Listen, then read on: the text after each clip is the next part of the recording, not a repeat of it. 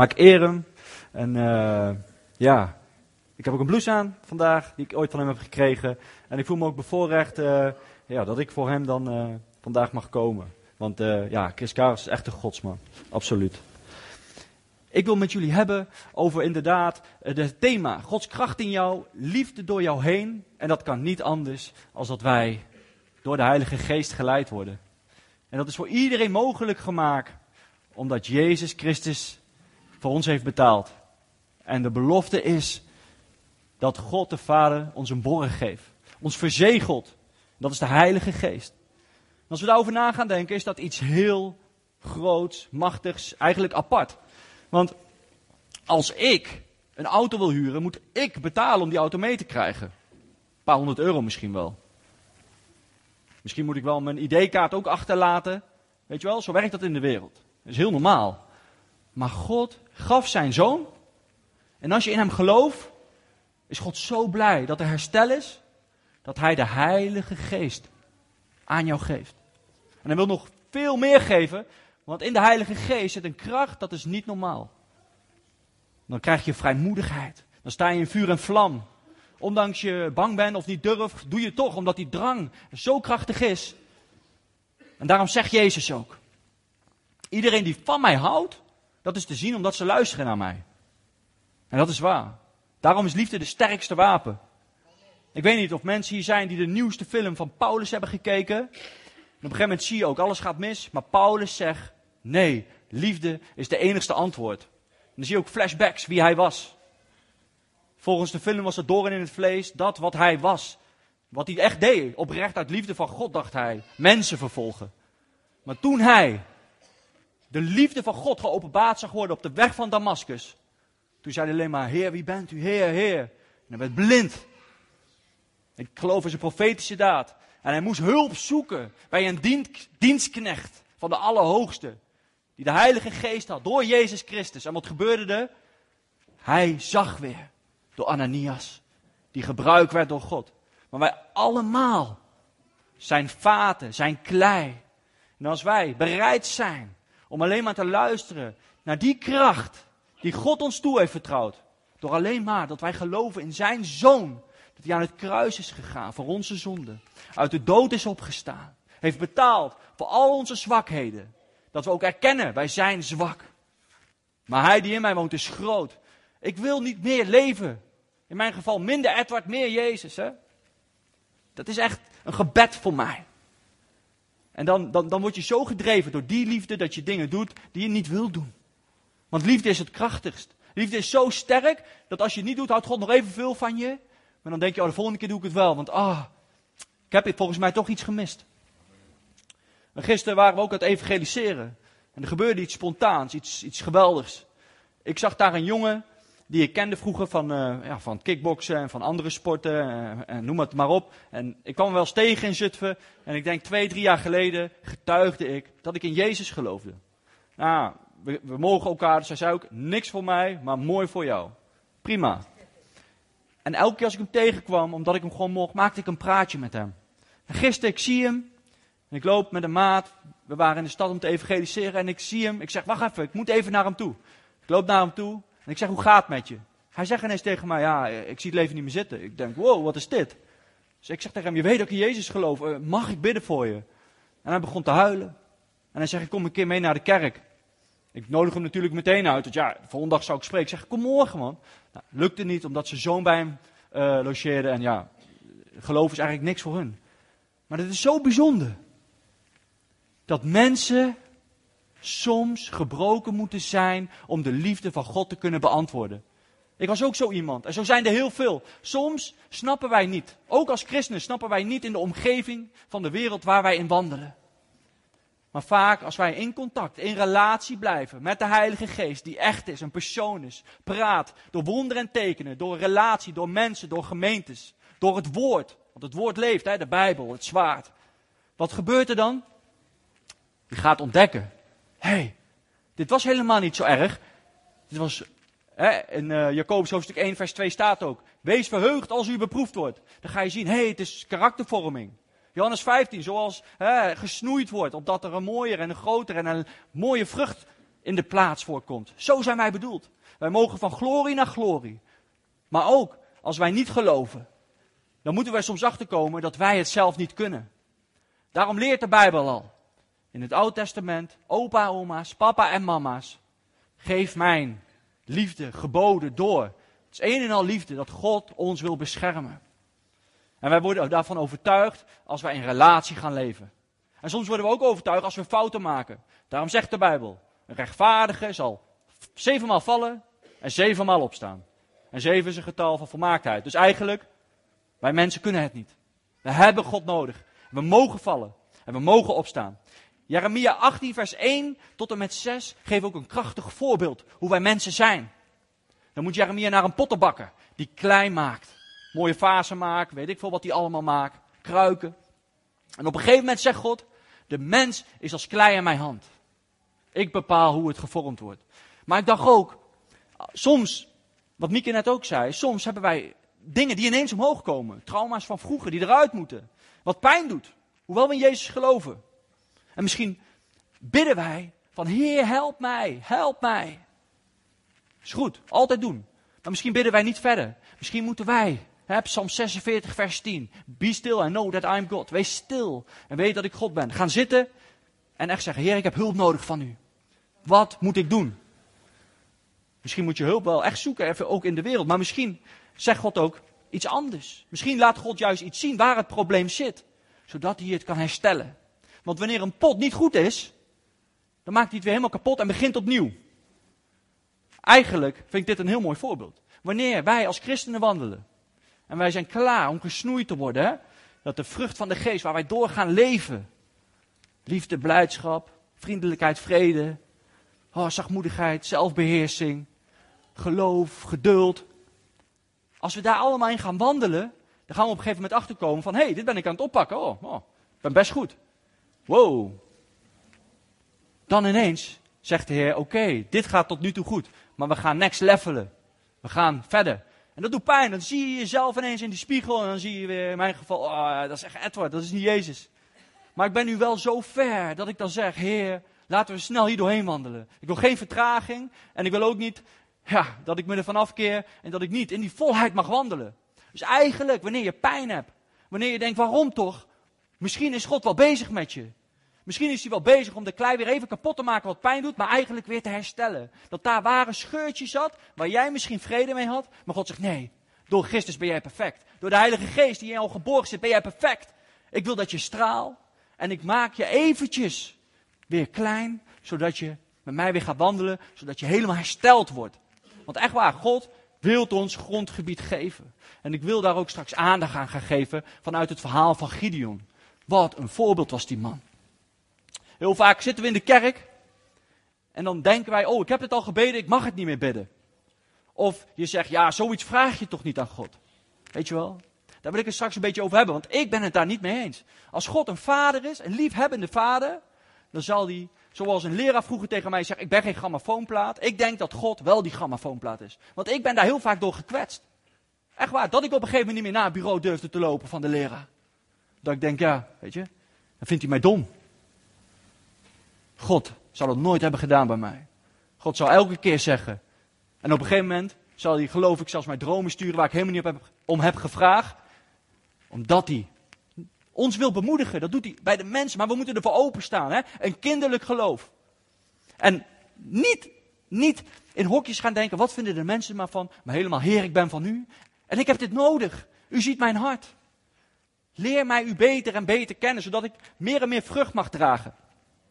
Efeziërs 1, vers 13 en 14, daar staat het, hè, wat ik net vertelde. Dat God de Heilige Geest heeft gegeven als borg. Puur, of hè, dat je in verzegeld bent, zeggen andere vertaling. Puur omdat Hij van ons houdt door Jezus Christus. Paulus zegt dan iets heel opmerkelijks in Galaten 2, vers 20. Ik leef niet meer, maar Christus leeft in mij, want ik heb mijn leven aan het kruis genageld. Weet je, dat ik dat wel eens bid, maar dat ik dat een eng gebed vind? is een eng gebed. Dat je zegt, Heer, ik wil uw handen en voeten zijn, gebruik mij. En dan komt er een punt dat God ook gaat vragen aan je. Hier ben ik heel blij mee. Maar we moeten eerlijk zijn, we leven in een gebroken wereld. Ben jij bereid Om die klei te zijn die je kapot mag maken. Om jou klaar te maken straks voor het echte werk. Dat je heel veel strijd zal kunnen ervaren. Daarom leert Jezus ons in de bergreden. Wees blij als je vervolgd wordt. Als je gehaat wordt omwille van mij. Want de profeten zijn je voorgegaan. Maar er schuilt een grote beloning in de hemel. Strek je uit naar de hemel. En als we ons uitstrekken naar de hemel, wordt de hemel zichtbaar door ons heen. En waarom? Omdat de Heilige Geest in ons woont. Die een vuur is. Die een bom is van liefde. Dat mensen gaan afvragen, hè? En dan gaan we begrijpen dat het niet alleen letterlijk is, maar ook symbolisch. Wanneer Jezus zegt, als je een klap krijgt op je ene wang, keer ook je andere. Dat heeft ook te maken met discussies. Als ik de straat op ga en ik zie mensen met wie ik alleen maar zeg, Jezus houdt van je. En ik merk dat het wat doet met een mens en in discussie willen. 9 van de 10 keer zegt de Heilige Geest, loop maar door. En dat is moeilijk. Voor mij dan, hè? Dus dat is weer een stukje waar God mij in karakter moet vormen. Maar dat is voor mij als dat ik ook mijn andere wang, wang moet omdraaien. En ik denk dat wij allemaal dingen hebben dat we soms moeten leren onze wang om te draaien. Waarom? Dan gaan wij Jezus nog beter leren kennen. En de andere, die snapt er helemaal niks van. En wie weet, is het wel het precies dat wat je had moeten doen, zodat de persoon komt met een vraag. En wanneer iemand komt met een vraag, dan heeft hij zijn hart opengesteld. Want ik kan wel praten tegen iemand, maar als hij zijn hart niet open heeft, praat ik tegen een muur. En weet allemaal wat dat is. Eén oor in, ander oor uit. Maar ik heb zo vaak al mee mogen maken. Hè? Daarom dat getuigenis van gisteren. Ik heb maar alleen maar gezegd, hé, hey, ik geloof nu in Jezus, man. Daarna twee of drie jaar niet meer over Jezus gehad. Gewoon echt letterlijk, hé, hey, train je nog, hoe gaat het? Zus en zo. En gisteren was het de dag. En ik wou alleen maar hooi zeggen. Maar opdat hij zei, ik zie het leven niet meer zitten, getuigde ik, je weet dat ik in Jezus geloof. Mag ik voor je bidden? En hij huilde. Hij werd geraakt. Het enige wat ik moet doen is, Heer, dank u wel dat ik uw handen en voeten was. Heilige Geest, overtuig hem dat het geen toeval was. Dat, hij, dat u hem zo overtuigt. Stuur hem andere mensen op zijn pad. Stuur hem dromen of wat dan ook wat in mij opkomt. Wat ik geloof door de Heilige Geest in mij opkomt. En daar bid ik voor. Dat is ook zoiets, hè? Ik had naar huis kunnen lopen en kunnen denken: Oh Heer, dank u wel dat u me hebt gebruikt. Is ook zo. Mag ik ook dankbaar voor zijn? Mogen we dankbaar voor zijn? Dat wij handen en voeten mogen zijn. Is toch geweldig? Dat wij de bestemming van ons hebben gevonden door Jezus Christus. En dat we handen en voeten mogen hebben. Maar God wil ons uitdagen. Hij woont zoiets machtigs groot in jou. Dat die in volle werking pas gesteld kan worden. Als we dat ook aankunnen. Want het is ook tevens iets gevaarlijks. Als wij niet erkennen de bron van wie het gegeven is. Daarom is het belangrijk om onszelf te leren vernederen. Opdat God ons verhoogt. Echt waar. Daarom mocht Paulus schrijven in de Bijbel. Ik weet niet meer waar, ergens in 2 Korinthe. Dat hij zegt, als iemand op zichzelf mocht beroemen, ben ik het wel. Ik heb schipbreuk geleden. Ik ben geslagen. Hoe kan ik nog leven? Ik weet het niet, maar door de genade van God. En wanneer Gods kracht zichtbaar in mij is, is als ik zwak ben. Dat is toch raar? Ik vind het helemaal niet leuk als ik zwak ben. Maar ik kom er nu wel vaak achter wanneer ik heel zenuwachtig ben, maar ik eerder echt bad van Heer, waarom is dit? Dit wil ik niet. Nu, als ik heel zenuwachtig ben, weet ik, oh Heer, ik weet niet waarom ik dit voel, maar ik ben alert. Ik weet, God is bezig. Het is ineens veranderd in iets wat ik navond, naar iets van, oké Heer. Ik zou het geen eens meer leuk vinden als ik ergens ben en niet meer zenuwachtig ben. Echt waar. Het is ook vernieuwd denken. Ik heb het ontdekt. In dit geval, een stukje, in mijn eigen leven. Daar ben ik dankbaar voor. Omdat ik rustig ging zitten. Omdat ik ging observeren. Niet meer ging vechten tegen die strijd. Maar eens ging kijken, Heer, waarom voel ik dit? Wat? Hoe moet ik hiermee omgaan? Ik kan hier niet mee omgaan. Maar wat wilt u zeggen? God is zo groot. Dat als we hem zien, sterven we gewoon. Moet je nagaan. Hij werkt onder andere door gevoelens bij ons heen. Die gewoon zo groot al zijn. Dat we helemaal denken van, oh, is, is dit wel van u? Daarom is het zo mooi. Relatie. Hij is relatie. En hij wil wandelen met ons. Spreuken 3, vers 5 en 6 leert ons een, een, een schitterende wijsheid. Verwacht het van God, niet van jezelf. Laat God je levenspad zijn. Wow. Oké. Nu wil ik beginnen met het leven van Gideon. Ik wou dit toelichten, omdat ik geloof dat deze principes Gideon doorhad. Op een of andere manier. Want als wij lezen in Richter hoofdstuk 6, daar begint het. In vers 1 en 2, daar komt het op neer dat het volk van Israël een grote vijand had. En dat waren de Midianieten. Talrijk, konden ze nooit van winnen. Ze waren zelfs bang. Ze gingen ja, zich verstoppen. En ze waren bang. Hoe vaak hebben wij wel niet dat wij voor dingen bang zijn? En op ons menselijke manier ermee omgaan, erover gaan nadenken. Wat, wat, wat, wat logisch is, want wij zijn mensen. Maar God vraagt van ons: vertrouw mij. Vertel mij alles. Geef mij jouw hart, jouw ziel, je verstand en overleg met mij. En op een gegeven moment, in vers 6 en 10, dan roept het volk uit naar God. De Israëlieten roepen het uit naar God. Die zeggen alleen maar help, God laat zien. God laat het dan ook zien. Ze roepen alleen maar help. En Gideon wordt nog geen eens meteen aangesteld. Er gebeurt iets heel bijzonders. Er gebeurt iets heel bijzonders. Want wat gebeurt er? God stuurt een profeet. En die profeet zegt iets heel wijs. Echt iets heel wijs. En ik, in het verhaal zien we dat nog niet iedereen luistert. Maar wat die profeet zegt, dat zegt Jezus ook in openbaring op een gegeven moment eigenlijk. Deze profeet legt uit wat God heeft gedaan voor de Israëlieten. Toen hij ze bevrijdde uit Egypte. Daad van liefde. Iedereen was het volk vergeten en God dacht aan zijn volk. En de tijd was er dat hij Mozes, de voeten, de handen, de ogen, de hartgesteldheid van Mozes had gewonnen. En hij mocht hem gebruiken. En door de liefde van God liet Mozes zich gebruiken. En hij leidde het volk uit slavernij. Deze profeet vertelt dat tegen de Israëlieten. Ik heb een boodschap van God. U heeft om hulp geroepen. Maar wat heeft hij wel niet gedaan in Egypte? Weet je wat het is? Dit is het wapen die God inzet om zijn volk terug te winnen. Om zijn volk te winnen. Om mensen, potentiële christenen, te zeggen: Ik ben echt. Liefde. Dit was de eerste liefde van God. Toen hij al het volk echt liet zien. Als jullie bevrijding nodig hebben, ben er. De, Midian, de Midianieten waren nu de vijand van Israël. Maar de Israëlieten riepen, help! En de profeet kwam. En de profeet zei niet, dit gebeurt. Nee, hij zei, waar is jullie eerste liefde? Weten jullie niet wat hij allemaal voor jullie heeft gedaan? Openbaringen zegt Jezus het ook. Jullie doen geweldige dingen. Maar bekeer je. Ga terug naar de eerste liefde. In, in uh, Openbaring hoofdstuk 2 is dat te lezen. De eerste liefde is zo belangrijk. Wanneer wij de eerste liefde vergeten wie Jezus is, wanneer Hij ons aanraakte, dan vertroebelt het. En dan gaan wij dingen bouwen, geestelijk, maar hartstikke vleeselijk. Dan gaan wij niet geheel overgeven aan luisteren. Want wanneer God aan ons iets vraagt en je verstaat zijn stem, dan ben je zo gedreven om dat te doen. Niet omdat je het per se wilt, want misschien is het helemaal niet leuk, maar door zijn liefde. Daarom zegt Jezus, iedereen die van mij houdt zal luisteren naar mij. In Handelingen 2 vers 21 is ook een daad van liefde. Wat daar staat in Handelingen 2 vers 21 is, iedereen die de naam van de Heer aanroept, zal gered worden. Wow. Ik ben ervan overtuigd. En het maakt me niet uit wat mensen ervan zeggen. Als er een moordenaar is, een verschrikkelijk iemand die op zijn sterfbed Jezus nodig hebt. En ik ben daar welkom, kom ik naar hem toe. Maar ik zal hem ook zeggen. Ter voorbeeld, als u eerder Jezus had aangenomen, dan had je echt een doel in je leven.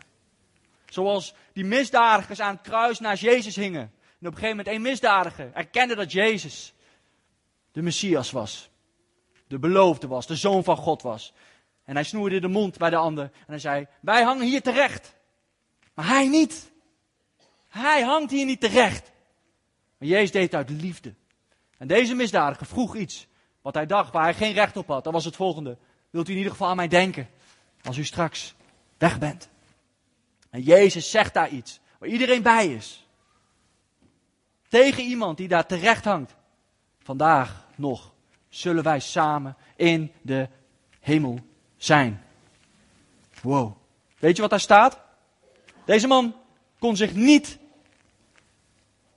van de kruis af helpen en, en, zeggen eerst, ik wil gedoopt worden, ik wil vergeving vragen, ik wil het zondaarsgebed bidden. Nee, er is maar één weg naar de Vader.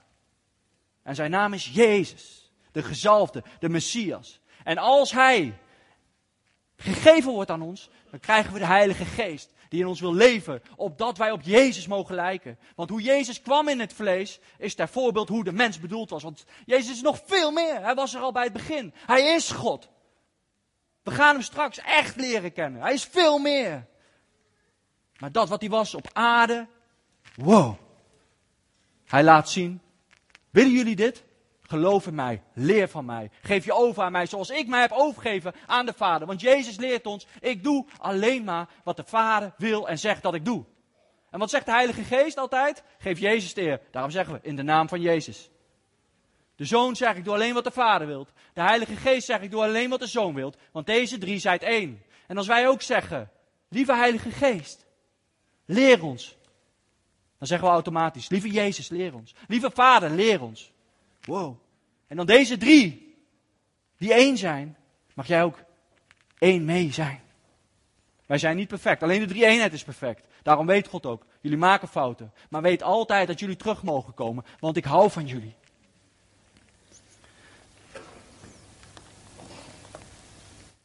In 2 Korintiërs 3 vers 18 staat er ook, door de geest gaan we steeds meer op hem lijken. We zijn spiegels van hem.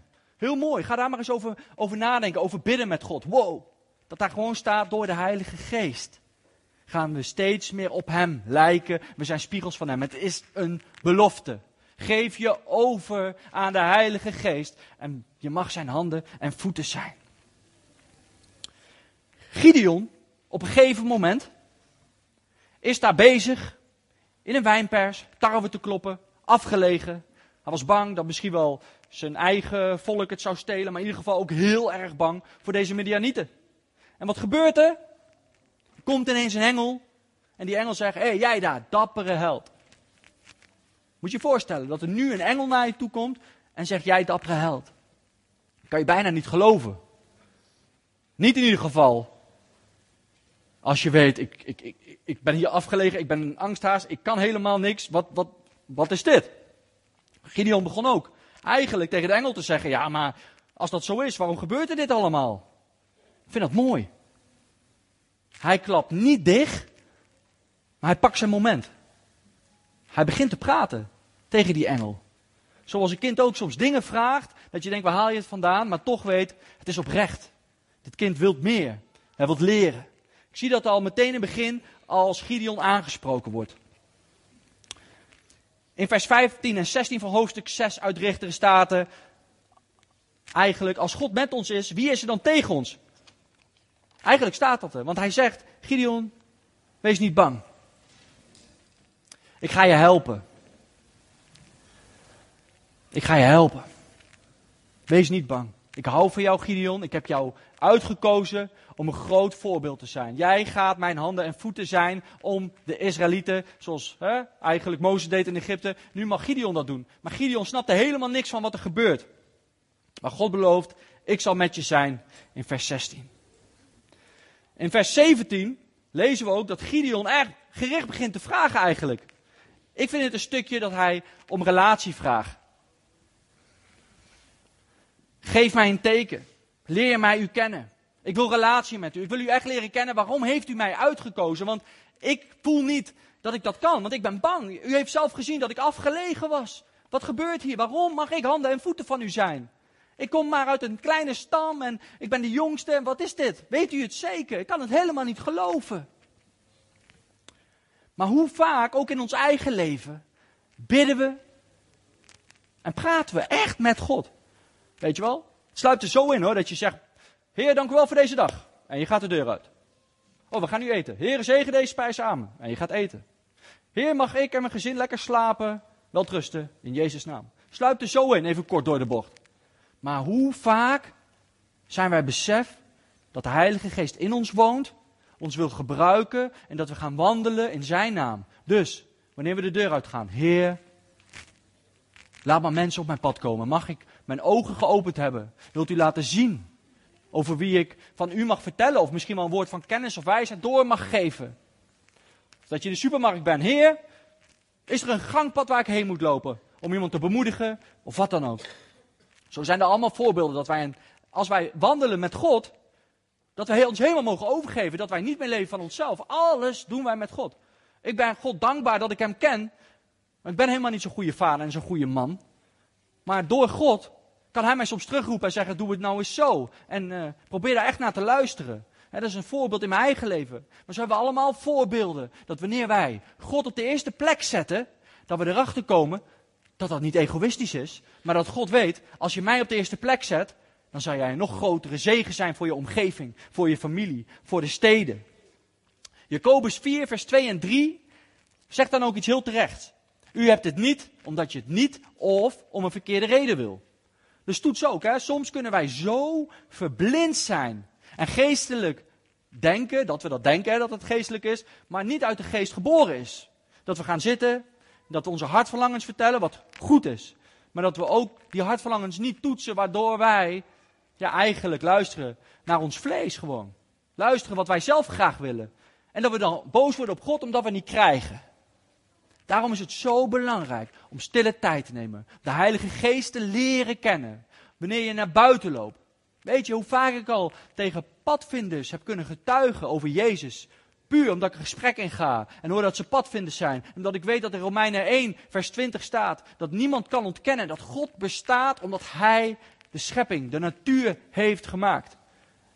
Er gaan veel padvinders. En elke keer vinden ze het interessant dat dat in de Bijbel staat. En één keer, denk een half jaar geleden, toen vertelde ik het ook tegen drie padvinders. Ik had één Bijbel bij me. En nadat ik dit had gezegd, voelde ik ook dat de Heilige Geest tegen mij zei: Vraag nu wie de, wie de, wie de Bijbel wil hebben. En ik doe zo: Wie wil deze Bijbel hebben? En meteen de jongen: Ik. En alle drie zeiden ze eerst dat ze niet geloofden. Weet je, we zijn geroepen om handen en voeten te geven. Wij kunnen niet helpen. Wij kunnen niet voor elkaar denken. Hè? Daar kunnen we ook soms in doorschieten. Maar wij kunnen er wel voor zorgen om Hem kenbaar te maken. Te zeggen, hé, hey, Jezus houdt van jou. Weet je? Hé, hey, als je het ooit moeilijk hebt, vraag dan aan iemand. Van als je het echt moeilijk hebt, hoef je niet bij mij te doen. Maar ga dan op je kamer zeggen, Jezus, als u bestaat, laat het zien. Ik geloof namelijk dat dat een gebed is die vaak verhoord is. Ik weet niet of jullie Art Blajos kennen, maar deze gast is tot geloof gekomen wat hij de doodstraf kreeg. Hij was een huurmoordenaar, maar kwam in aanraking met de Bijbel en het woord werd leven in hem. En nu is hij een wereldevangelist. Echt geweldig. Dat doet God. God wil soms zelfs dat we hem uitdagen. Als ik soms hoor getuigenissen van moslims, nou, die hebben flink uh, uitgedaagd. Als ik, als ik Paulus uh, lees, nou, hij flink God uitgedaagd. Maar dan komt er een moment dat God zich laat zien. En dat is de liefde. En dan weet je, dit is de bron waar ik in wil huilen. Wil schuilen, wil zijn. En dat is fijn. En Gideon, in vers 25 en 29, zegt, uh, geeft God eigenlijk een opdracht aan Gideon. Hij zegt, maak de afgoodbeelden stuk. Maak de afgood, afgodenbeelden stuk. Je moet je voorstellen, dit land is ver van God. Hebben andere goden voor in de plaats genomen. Er is helemaal niks meer van over. Ze zijn bang voor de Midianieten. Gideon is al lang blij dat hij zich staand kan houden. En krijgt de opdracht, doe dit. Waar het volk helemaal niet op zit te wachten. Gideon uh, denkt uh, slim te zijn. Neemt tien man mee en doe het s'nachts. Aards verstand. Mooi vind ik dat, dat dat ook zo beschreven staat. Uiteindelijk komen ze er toch achter. Staat niet zo beschreven, maar het zou zomaar kunnen zijn dat een van die tien hem had verraden. Had zomaar, dat kan zomaar. Dat hij, dus eigenlijk, dat wij niet op mensen kunnen vertrouwen. Want hij kiest niet voor niks die tien man uit, omdat hij denkt, ik kan die tien vertrouwen. En misschien, ik weet het niet zeker, maar het kan zijn dat een van die tien hem toch heeft verraden. Voor geld, voor eten, weet ik het. En wat gebeurt er? Gideon komt erachter, ik ben er toch bij, ik ben toch het haasje, wat gebeurt hier? Ze willen hem vermoorden, staat er dan. Ze willen dat Gideon vermoord wordt. De vader van Gideon neemt het dan op en uiteindelijk lezen we dat Gideon niks overkomt. Hij is aangesteld als bevrijder voor het volk en wat gebeurt? Het volk keert zich tegen Gideon. Ik kan me voorstellen als dat gebeurt, dat je denkt als Gideon, Heer, kijk dan naar het volk. Moet ik hun helpen? Ik heb er geen zin in. Ze schelden me uit, hè, want ze noemen hem Jerubaal. En Jerubaal, dat betekent, laat Baal het tegen hem opnemen. Dus elke keer zeggen ze tegen hem, laat die afgod het maar tegen je opnemen. Misschien werd hij er wel bang van. Of wat dan ook. Weet je, dan maken wij ook mee. Daarom wat ik net voorlas ook, uit de bergreden. God zegt ook, als je bespot wordt, uitgelachen wordt, wees blij. Stefanus wordt gestenigd, Heer vergeef het ze. Jezus hangt daar en zegt, Heer ze weten niet wat ze doen, vergeef het ze. Wij mogen dat ook hebben. Niet meer tegenover de mensen staan, maar naast de mens. Niet meer ik leef, dus mijn vlees die pijn doet, waar ik echt wel eens last van heb, maar steeds meer van overtuigd wordt door de Heilige Geest. Het gaat niet om jou, Edward. Het gaat om Jezus. Het maakt niet uit dat jij je niet toe doet. Het gaat om Jezus. Maakt niet uit dat ze je pijn doen. Ik heb je toch die opdracht gegeven. Ik ben te, te vertrouwen. Ik ben jouw liefdesbron. Doe het nou. Dat geeft mij zo'n troost. En geeft mij zo'n kracht dat ik ook weet. Het gaat niet om mensen. Het gaat om Hem. Het gaat om God. Het gaat niet om Saul, wat betekent groot. Het gaat om Paulus, wat betekent klein. En wie was het grootst? Omdat hij klein was voor God. Werd hij verhoogd door God. En Gideon ook. Gideon doet iets wat hij eng vindt en hij doet het toch. In uh, Richter 6, vers 30 en 32 lezen we dus dat ze hem wouden doodmaken. Maar in vers 34 van hetzelfde hoofdstuk staat er ineens dat God Gideon vervult met de Heilige Geest. Staat er ineens. En wat gebeurt er dan? Ik denk, want uh, in het begin zien we Gideon woont nog thuis. Later zien we ook helemaal aan het einde, Gideon heeft kinderen gekregen en zo. Dat er ook dus een louteringsproces is geweest. Een karaktervorming. Een proces dat hij zich steeds meer kan overgeven aan de Vader. Kan geloven in God. Kan geloven dat hij alles kan. En dat een mens Zoals ook Mozes een mens was, in staat is om verandering te brengen als hij maar doorheeft. Het komt door hem, niet door mij, maar door hem. En Gideon kon zo krachtig gebruikt worden, omdat hij wist, ik ben nietig, ik kan niks, ik heb de bron der bronnen nodig. En dat is de God van Abraham, Isaac en Jacob. De vader van Jezus Christus. En die geest, die toen maar enkel op een profeet of op een dienstknecht gegooid werd, geknald werd, kan, is nu vrij. God zelf, zeg gewoon, dat is toch niet te bevatten. Door Jezus Christus krijgen jullie dit ook. Maar durven wij ook te leven zoals een Gideon bijvoorbeeld. Zoals een Mozes bijvoorbeeld. Zoals een Paulus bijvoorbeeld. Ja, want we hebben ook te maken met de duistere kant. Die ons wilt ontmoedigen. Die ons angst wil inspreken. Maar hebben wij door dat als God iets zegt, dat het ook gebeurt? De Bijbel is eerlijk. Wanneer wij lezen wat ik net zei. Paulus, schipbreuk, slagen, voor dood achtergelaten, noem het maar op. Maar hij ging niet dood. Waarom niet? Jezus die dingen zei en ze wilden hem stenigen. Wat staat er? Het was zijn tijd nog niet. Wanneer wij echt met God praten, een visie hebben, focus zijn, wat de Heilige Geest in ons wil, dan weten wij, dit moet ik doen. Wat de mensen ervan vinden, ja, heel vervelend, doet wel een beetje pijn. Ik geef de pijn maar straks weer bij God, dat hij me lekker kan troosten. Want ja, dit moet ik doen en dat is belangrijk. En ik moet het doen, want het is mijn tijd nog niet. Zo mooi als we met God gaan praten en dat we dan zien dat onze vlees ons soms zo tekort doet. Ons zo verkeerde gedachten kan influisteren. Maar dat hebben we wel nodig, zodat we meer gaan vertrouwen op Jezus. Wat ik ook eens heel mooi vind uit dezelfde vers, staat ineens uh, in uh, uh, 6, vers 34. Daar staat iets heel interessants. Hij wordt vervuld met de geest, er zit een trainingstijd tussen. En wat staat er ineens?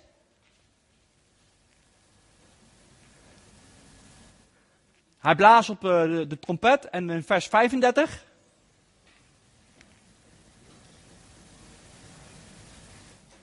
Mensen gingen hem volgen.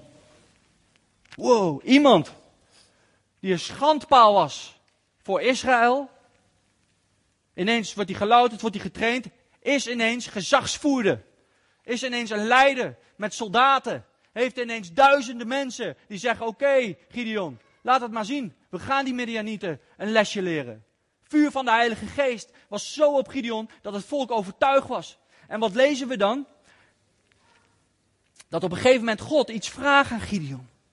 Hij zegt eigenlijk, nou ja, eigenlijk, voordat ik dat ga zeggen, vind ik het mooi wat er staat in eh, vers 36. Toch is Gideon onzeker. Vers 36, hè, dat zegt ook wat over ons. Toen zeide Gideon tot God, indien gij door mijn hand Israël wilt verlossen, zoals gij gezegd hebt. Vers 37 ook maar. Zie je, ik leg een vlies vol. Dat kennen we allemaal. Moet je nagaan. Hij is geloud, hij is getraind, machtige dingen gezien van God. Geldt voor ons allemaal. En dan ineens vraagt de Heilige Geest weer wat aan je. En dan denk je, oh, hier, poe, ha. Doe je het nog een keer? Wilt u het nog een keer doen? Hij heeft een leger gekregen. Hij is inzetbaar. Blijkt daaruit. Niet alleen God gelooft in hem, hij is in zichzelf ook gaan geloven. Want ja, hij ziet ineens, de mensen geloven ook in mij. En toch weet hij, Heer, bevestig mij. Heer, elke dag heb ik nieuw brood nodig, nieuw manna nodig. Heer, elke dag moet ik u opzoeken, want u bent de bron. Zonder u kan ik mijn dag niet beginnen. Ja, dat heb ik gisteren goed gedaan, maar ik wil het ook morgen weer goed doen. En overmorgen. Elke dag wil ik in relatie zijn. Wil ik niet, als ik één keer een mooie getuigenis heb meegemaakt in de supermarkt, daarop blijven teren. Wil ik elke dag, als het maar even kan, handen en voeten voor u zijn. Supermarkt, op straat, waar dan ook. Blijf verbonden met die geest. En ik vind dat ik daarin zie dat Gideon dat doorheeft. Gideon blijft om wonderen en tekenen vragen. En ik denk dat er mensen zijn, ja, als God het heeft gezegd en gezien, moet je het niet meer vragen. Ik zie in het levensverhaal van Gideon, wat mij heel veel bevrijding en opluchting geeft, blijf vragen als een kind. Blijf God vragen. God houdt van je. God ziet jouw hart. Hij ziet dat je het niet vraagt om hem te tarten. Hij ziet omdat je het nodig hebt. En hij geeft alles aan zijn kinderen als we het nodig hebben. En helemaal. Als je zijn handen en voeten ook wilt zijn. Hij wil juist dat, dat, dat mensen tot geloof komen door zijn zoon Jezus Christus.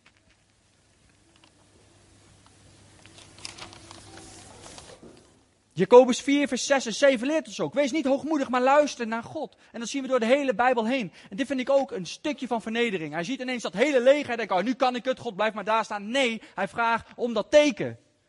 Hij vraagt om dat teken. En dan ineens lezen we dat, uh, dat Gideon 32.000 man heeft in totaal. Maar dan moet hij zeggen, wie bang is, ga maar naar huis.